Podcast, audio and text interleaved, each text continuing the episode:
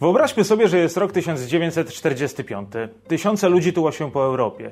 Wśród nich jest młody Austriak, powiedzmy, że 22-letni. Szczęśliwie udało mu się przeżyć wojnę. Wraca do swojego domu w Innsbrucku. Być może jego mieszkanie zamieniło się w gruzowisko, ale jakoś on niespecjalnie się tym faktem przejmuje. Nie martwi go nawet fakt, że został bez grosza przy duszy i nie ma co jeść.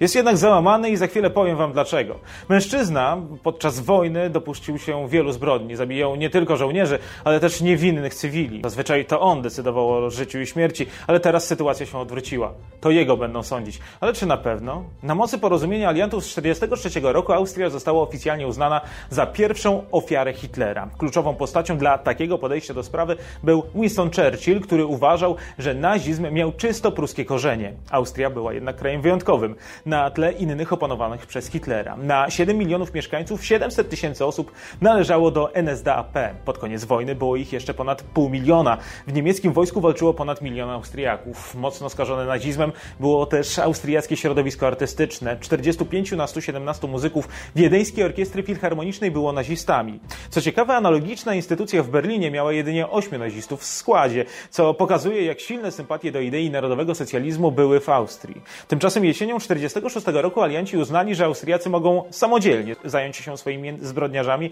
i tak zwaną denazyfikacją. Można więc powiedzieć, że naszemu Austriakowi z początku tej opowieści chyba jednak się upiecze. W końcu będą go sądzić rodacy, ale niekoniecznie musiało się tak e, zdarzyć, bo wcześniej, tuż po wojnie, alianci przeprowadzali śledztwa przeciwko byłym nazistom. Ponad 30 tysięcy osób stanęło przed sądem, z tego 43 skazano na karę śmierci. Stracono zaledwie 30. Około 70 tysięcy osób straciło pracę. Dotyczyło to m.in. 3 tysięcy nauczycieli szkół podstawowych. A co z naszym bohaterem, nieco ponad 20-letnim austriackim mężczyzną? No, chyba raczej uniknął kary śmierci, czy też długotrwałego więzienia.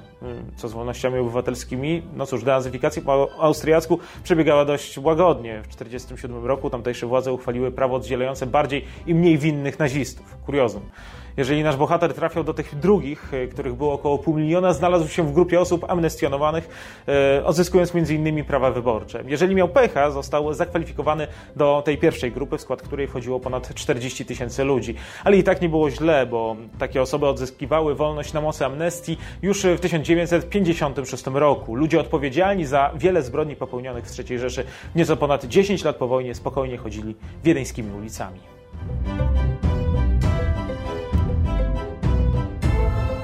W Niemczech tamtejsi naziści z zazdrością spoglądali na sytuację w Austrii. Wielu z nich liczyło na to, że również im uda się uniknąć kary. Tymczasem w listopadzie 1945 roku przed Międzynarodowym Trybunałem Wojskowym w Norymberdze przez prawie rok sądzono największych zbrodniarzy i nazistowskich przywódców. NSDAP uznano za organizację przestępczą. Takich trybunałów było jednak dużo więcej. Amerykańskie, brytyjskie i francuskie sądy wojskowe osądzały niższych rangą nazistów we własnych strefach okupowanych Niemiec.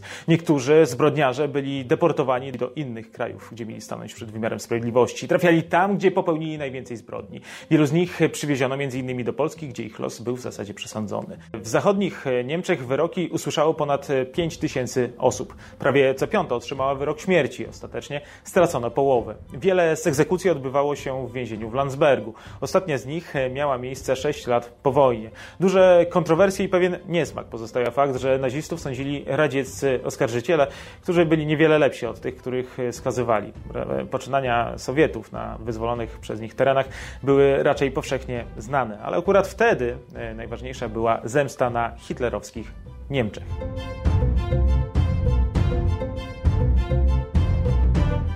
Reasumując, 8 maja 1945 roku, czyli w momencie, gdy zakończyła się II wojna światowa na Starym Kontynencie, w Niemczech wciąż było 8 milionów nazistów.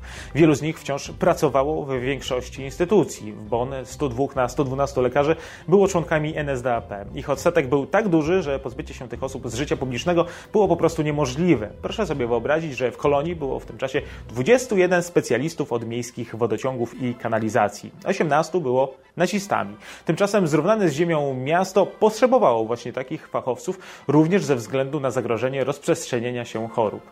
W strefie amerykańskiej ponad 3 miliony ostatecznie uznano za podlegające karze. I choć wielu z nich ostatecznie nie osądzono, to zdecydowaną większość udało się zabrać na obowiązkowe wyjazdy do obozów koncentracyjnych, gdzie mogli zobaczyć na własne oczy, jak wielkie zbrodnie popełniła Trzecia Rzesza, a co się z tym wiąże pośrednio i oni. Kto nie dojechał, oglądał filmy ukazujące szokujące zbrodnie nazistów. W niektórych kinach Niemcy, aby dostać karty, kartki żywnościowe, musieli wcześniej oglądać dokumenty o Dachau i Buchenwaldzie.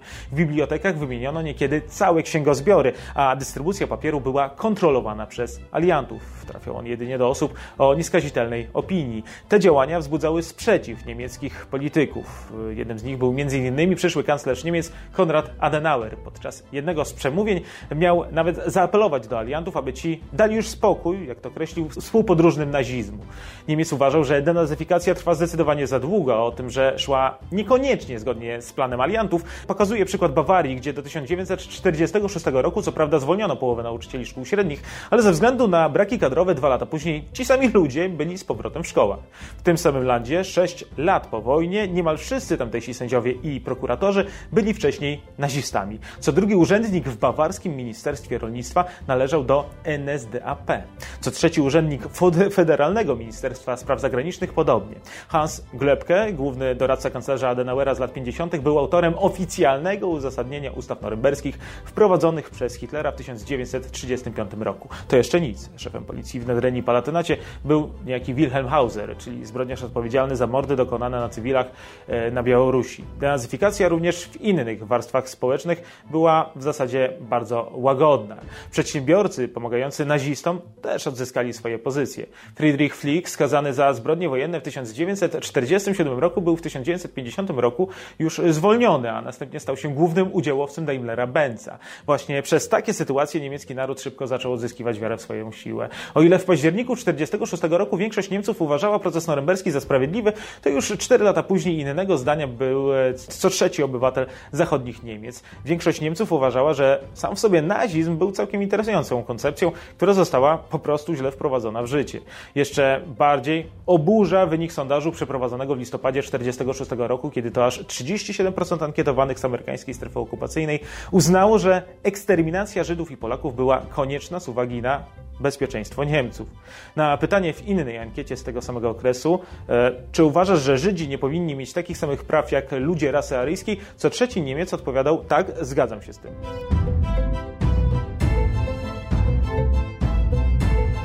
Jak to wyglądało we wschodnich Niemczech? Otóż tam panowała doktryna narzucona przez Związek Radziecki. Głosiła ona, że nazizm zrodził się z kapitalistycznego egoizmu w okresie kryzysu. Aspekty rasistowskie, a co się z tym wiąże, akty ludobójstwa, schodziły gdzieś na plan dalszy. Ważny był czynnik ideologiczno-ekonomiczny. Tym sposobem najmocniej dostali niemieccy przedsiębiorcy, których najpierw aresztowano, a następnie wywłaszczano, uznając ich za siłę napędzającą NSDAP. Jednocześnie Rosjanie potrzebowali poparcia dla swoich reform, stąd też komunistyczna partia Niemiec zaoferowała swoje usługi i tym samym ochronę około milionowi byłych nazistów. Ci, nie mając często innego wyjścia, chętnie się na współpracę zgadzali. Nowo utworzona Stasi chętnie korzystała z metod i spuścizny gestapo, nie tylko naśladując je jako aparat represji, ale też przyjmując wielu jego pracowników i informatorów do swojej służby. I można sobie w tej sytuacji zadać pytanie, czy denazyfikacja faktycznie miała miejsce? A jeśli tak, to do kiedy trwało rozliczanie nazistów?